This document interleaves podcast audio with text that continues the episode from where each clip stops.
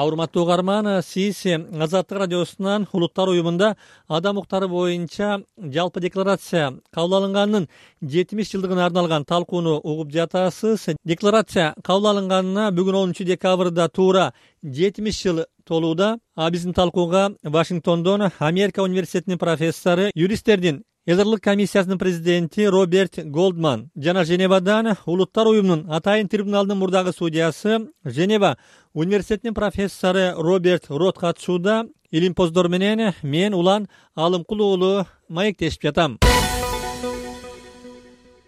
Профессор голдман азыркы суроо сизге анда маектешибиздин биринчи бөлүгүндө адам укуктары боюнча жалпы декларация бул жаатта эл аралык укук системасы түзүлүүсүнө негиз болгондугун айттык бирок ошол эле учурда эгер тарыхка кайрылсак кошмо штаттар жана башка мамлекеттерде соттор атайы адам укуктары боюнча жалпы декларация улуттук мыйзамдардын бөлүгү эмес деп бүтүм чыгарган учурлар дагы болду да туурабы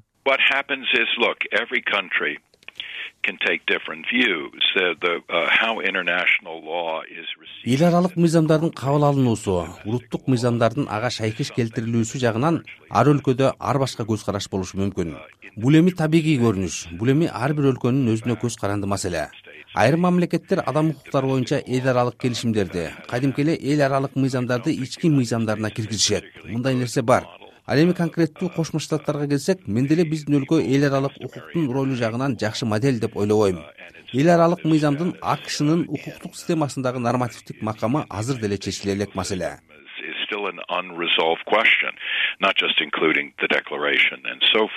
профессор голдман ушул жерде маселенин дагы бир өңү тууралуу оюңузду уксак адам укуктары боюнча жалпы декларация аны бузган. Өкмөттөргө карата дипломатиялык жана моралдык кысым көргөзүүнүн кубаттуу асбабына айланды деген дагы пикирлер айтылып жүрөт. А сиз укук таануучу илимпоз катары мына ушундай ойлорго кошуласызбы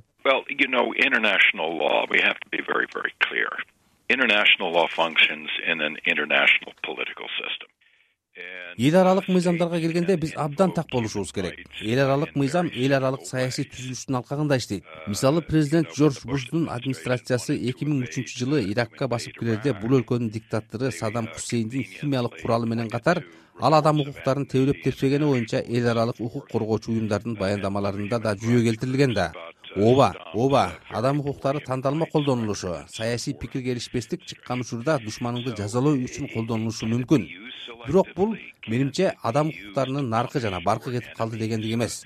анткени азыр ар бир ири өлкөдө адам укуктары кыймылдары бар. Алар адам укуктарын бузган өкмөттөргө жергиликтүү аймактык эл аралык деңгээлде кысым жасоодо. адам укуктарына келгенде бир өлкө да экинчисине да кандайдыр бир деңгээлде өз ырчактарын иштете алат. Албетте сенин коопсуздук саясий же экономикалык кызыкчылыктарың болгон учурда ал ырчакты колдонуу кыйын болот.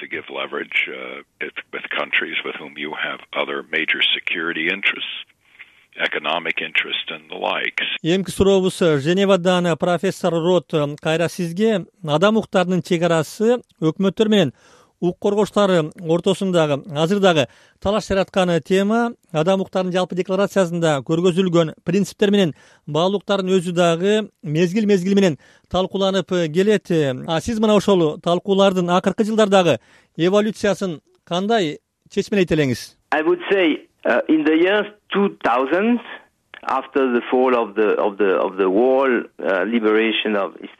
мен мынтип айтар элем. Берлин дубалы кулап чыгыш европа боштондукка чыккандан кийинки эки миңинчи жылдарга чейин дүйнөдө адам укуктары декларациясынын универсалдуулугу боюнча кеңири консенсус жаралгандай болгон өзү декларациянын батышкы ыктаган аспектилеринин универсалдуулугу боюнча кайчы көз караштар пикирлер айтылып келген.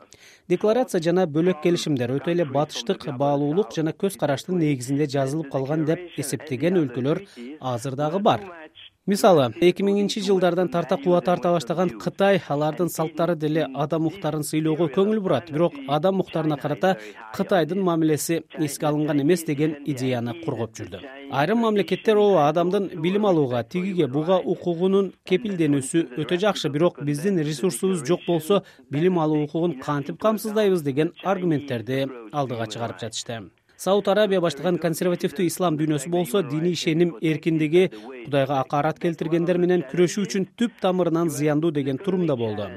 Алар үчүн жана алардын көз карашында диний ишеним эркиндигин таанууда маселенин ислам дүйнөсүнүн өзгөчө консервативдүү ислам дүйнөсү үчүн сезимталдыгы эске алынган эмес.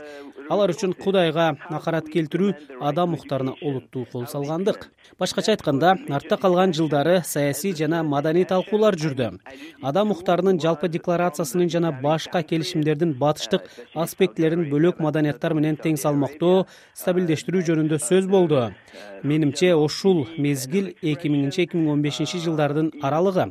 Бул учурда адам укуктарын коргоо тенденциясында акш жана анын батыштык өнөктөштөрүнүн бекем союздаштыгы бар эле ал эми акыркы жылдары кырдаал өзгөрүп кетти. Азыр адам укугун коргоо системасында өкүм сүрүп келген стабилдүүлүктүн өзү тобокелчиликте турат. Бул көрүнүшкө тарых кийин кандай баа берерин биз айта албайбыз болгону ошону баштан кечирүүдөбүз. Мисалы акшда президенттикке дональд трамптын башка өлкөлөрдө да ал сыяктуу адам укуктарына жан тартпаган адам укуктарына тилектеш эмес саясатчылардын бийлик башына келиши менен кырдаал өзгөрдү. Жакында радиодон угуп калдым. Италия өкмөтүндөгү жетекчилердин бири адам укуктары идеалисттер үчүн эң жакшы. Реалдуулукта болсо адамдар укуктары корголушун эмес тартипти коопсуздукту күтөт деп айтып жатат. Европада былтыркыга чейин эле мындай болуп кетерине эч ким ишенчү эмес.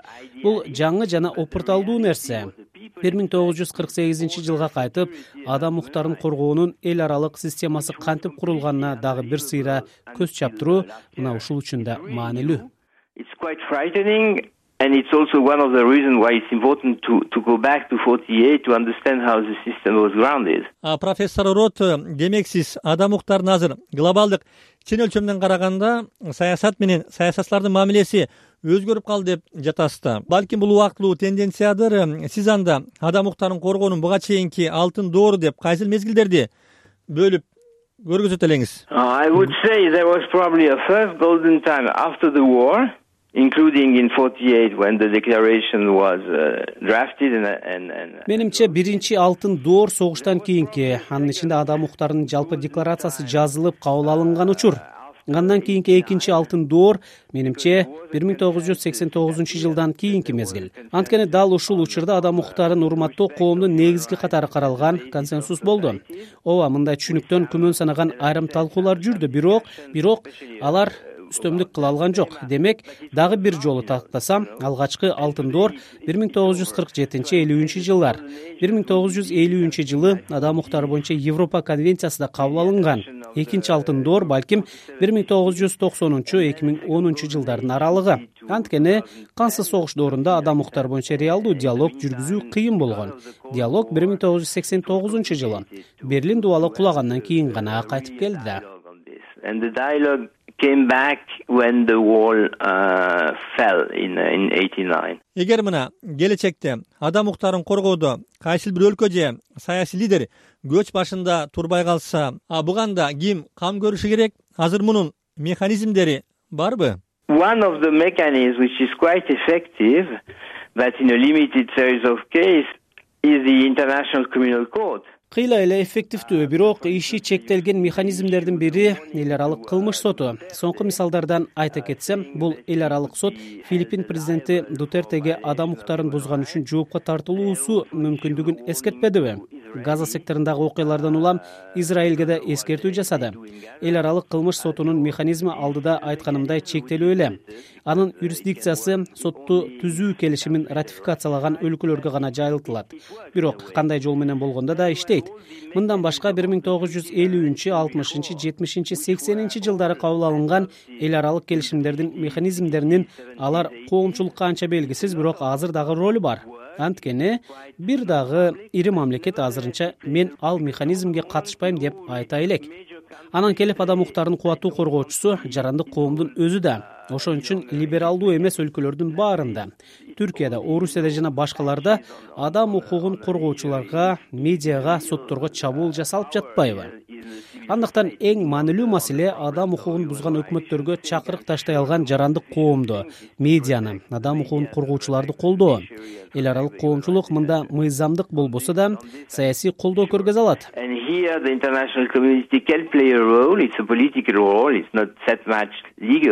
Чоң рахмат сизге профессор голдман ушул жерден сиздин дагы жыйынтыктоочу көз карашты уксак адам укуктарынын тарыхый декларациясы кабыл алынган жетимиш жыл ичинде дүйнө бул жаатта эмнеге жетишти анан азыр чын эле кайра реалдуу көйгөйлөр өксүктөр чакырыктар жаралдыбы?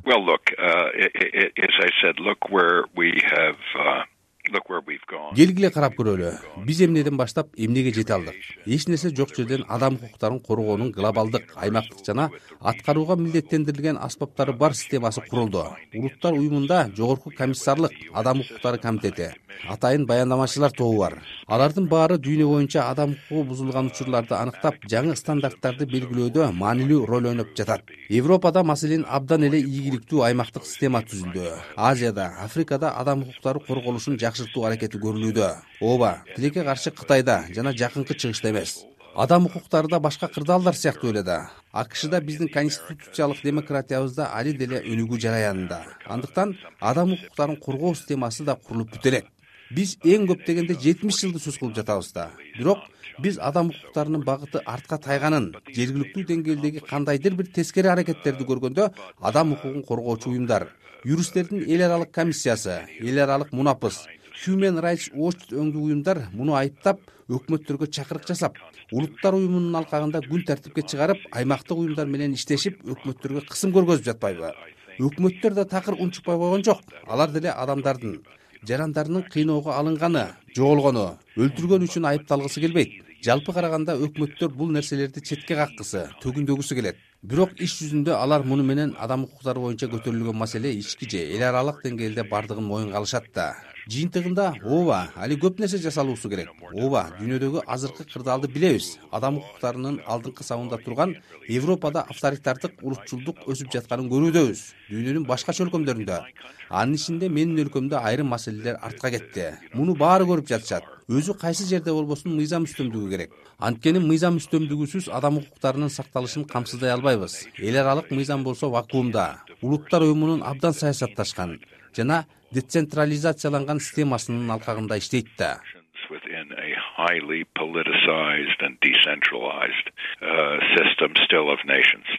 рахмат сиздерге урматтуу угарман сиз азаттык радиосунан улуттар уюмунда адам укуктарынын жалпы декларациясы. Кабыл алынганынын жетимиш жылдыгына арналган талкууну уктуңуз. Декларация кабыл алынганына бүгүн онунчу декабрда туура жетимиш жыл толууда. Биздин талкууга вашингтондон америка университетинин профессору юристтердин эдрлык комиссиясынын президенти роберт голдман жана женевадан улуттар уюмунун атайын трибуналдын мурдагы судьясы женева университетинин профессору роберт рот катышты. Илимпоздор менен мен улан алымкул уулу маектештим. Саламатта калыңыз